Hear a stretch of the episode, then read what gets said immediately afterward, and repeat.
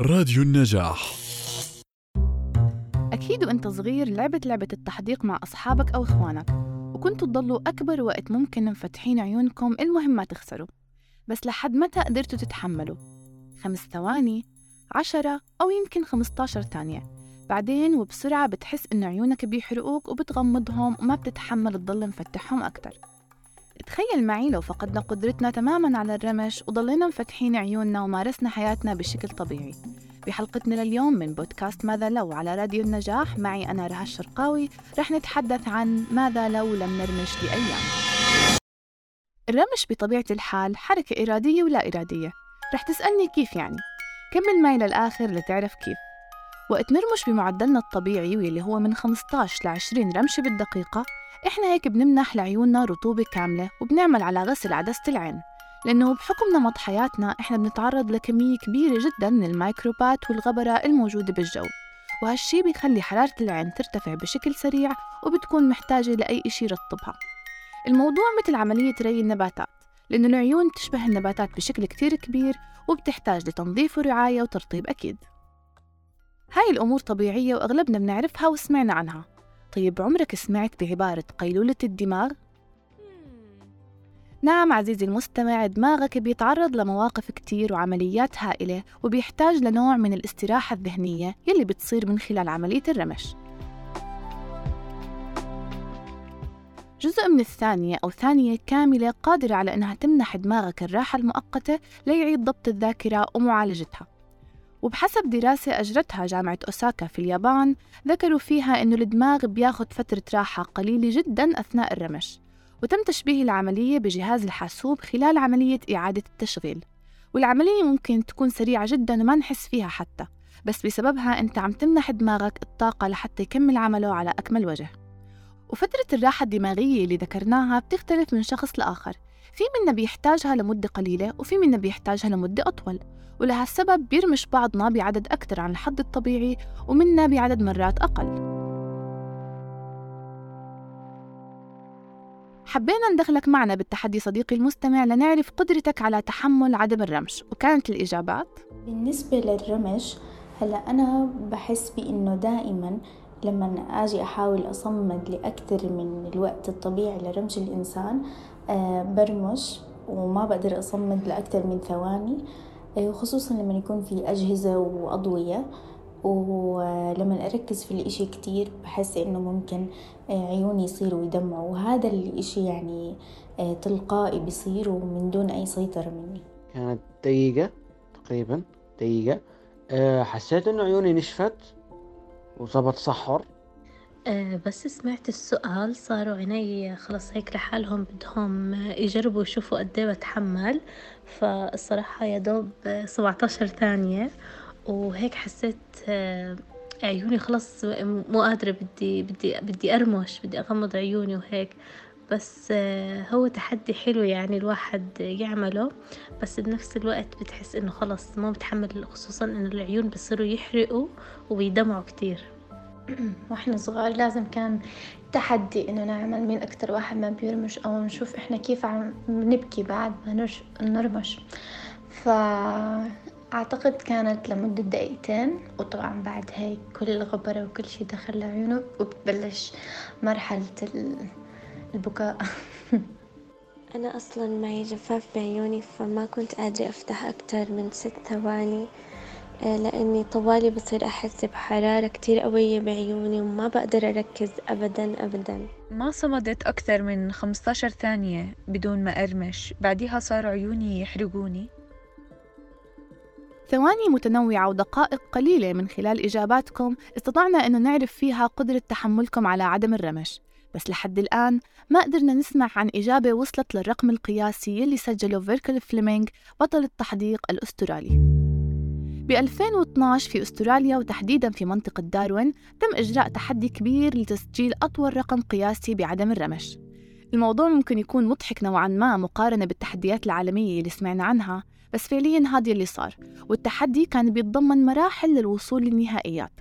واستطاع شخصين بس إنهم يتأهلوا لآخر مرحلة.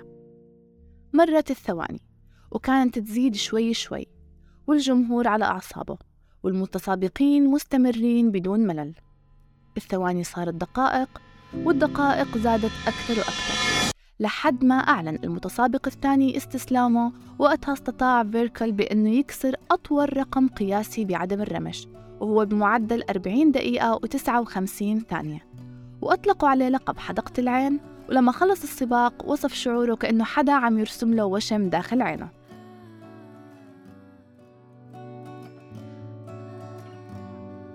ولكن صديقي المستمع ما تفكر بأنه هاي كانت أطول مدة تم تسجيلها لعدم التحديق. المفاجأة صارت بعام 2015 لما قدر بحار بالجيش الصيني ما يرمش لمدة ساعة و24 ثانية. ممكن يخطر ببالنا إنه شو الشيء اللي خلاه يعمل هيك؟ القصة صارت لما نشرت مجلة ساوث تشاينا مورنينج بوست مقالة ذكرت فيها عن رغبة هذا البحار إنه يشارك بعرض عسكري ضخم في مدينة بكين. ومن شروط انضمامك لهالعرض العسكري هو إنك تتحمل ما ترمش لمدة 40 ثانية. بس صديقنا الصيني حب إنه يمشي عكس التيار ويزيد المدة وضل يدرب حاله لحد ما وصل لساعة و24 ثانية من عدم الرمش. وأطلقوا عليه لقب ملك التحديق. وللأسف نتائج هالإشي انقلبت عليه بشكل عكسي. صابه نوع من الارتخاء لدرجة إنه بطل يتحمل يضل مفتح عيونه لمدة 40 ثانية حتى.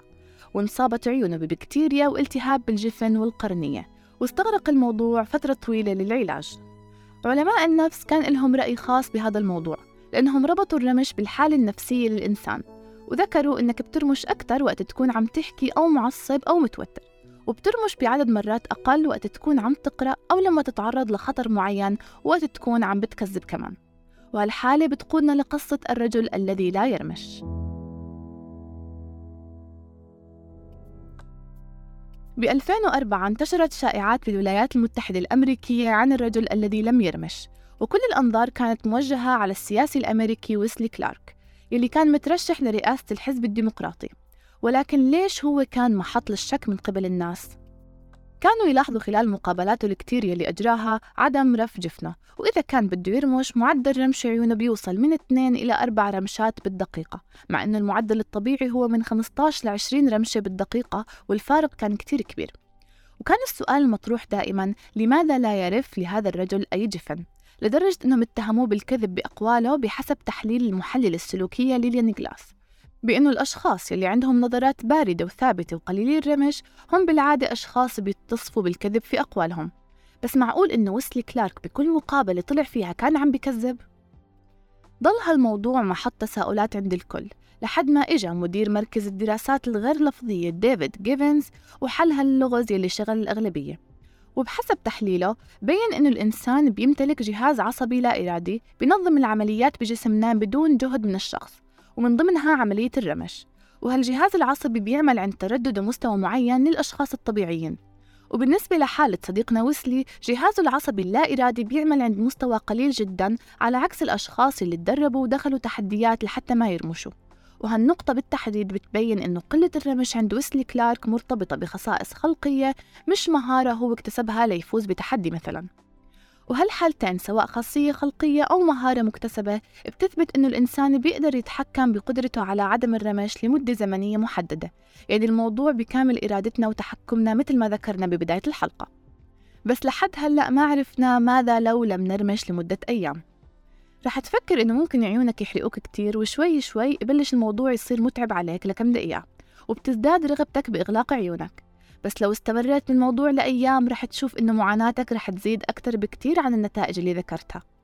رح يبلشوا عيونك يدمعوا بشكل هائل ويزداد الإحمرار عدا عن إصابة القرنية بجفاف حاد.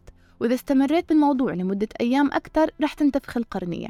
وهالكابوس رح يزيد لما تبلش العدسة تصير مظلمة والبصر بيتلاشى شوي شوي لحد ما تنصاب بالعمى الغير قابل للشفاء. بتوقع بعد ما سمعت بكل الشغلات اللي ممكن تصير رح تبطل تدخل أي تحدي تحديق وبالعكس رح تزيد رغبتك بالرمش أكتر. ولكن خبر سار لك صديقي المستمع دماغك رح يكون المنقذ لحياتك بهاي الحالة وما رح يسمح لكل هاي الأضرار تصير معك. لأنه في حال عدم رغبتك بالرمش لمدة طويلة رح يجبرك فورا على الرمش من خلال عضلة العين الدويرية التي تعتبر أسرع عضلة بالجسم. فهي قادرة على التحكم بكل جفن من جفوننا لأنها بتعمل بكامل إرادتها وبدون أمر منا.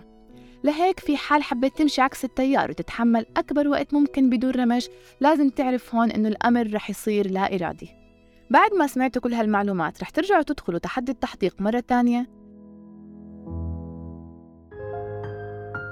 شكرا لك صديقي المستمع ولا تنسوا الاستماع لنا عبر المنصات التالية ساوند كلاود سبوتيفاي وجوجل بودكاست وعبر موقعنا النجاح dot net. كنت معكم من الإعداد والتقديم رها الشرقاوي ومن الهندسة الإذاعية أسامة صماضي إلى اللقاء.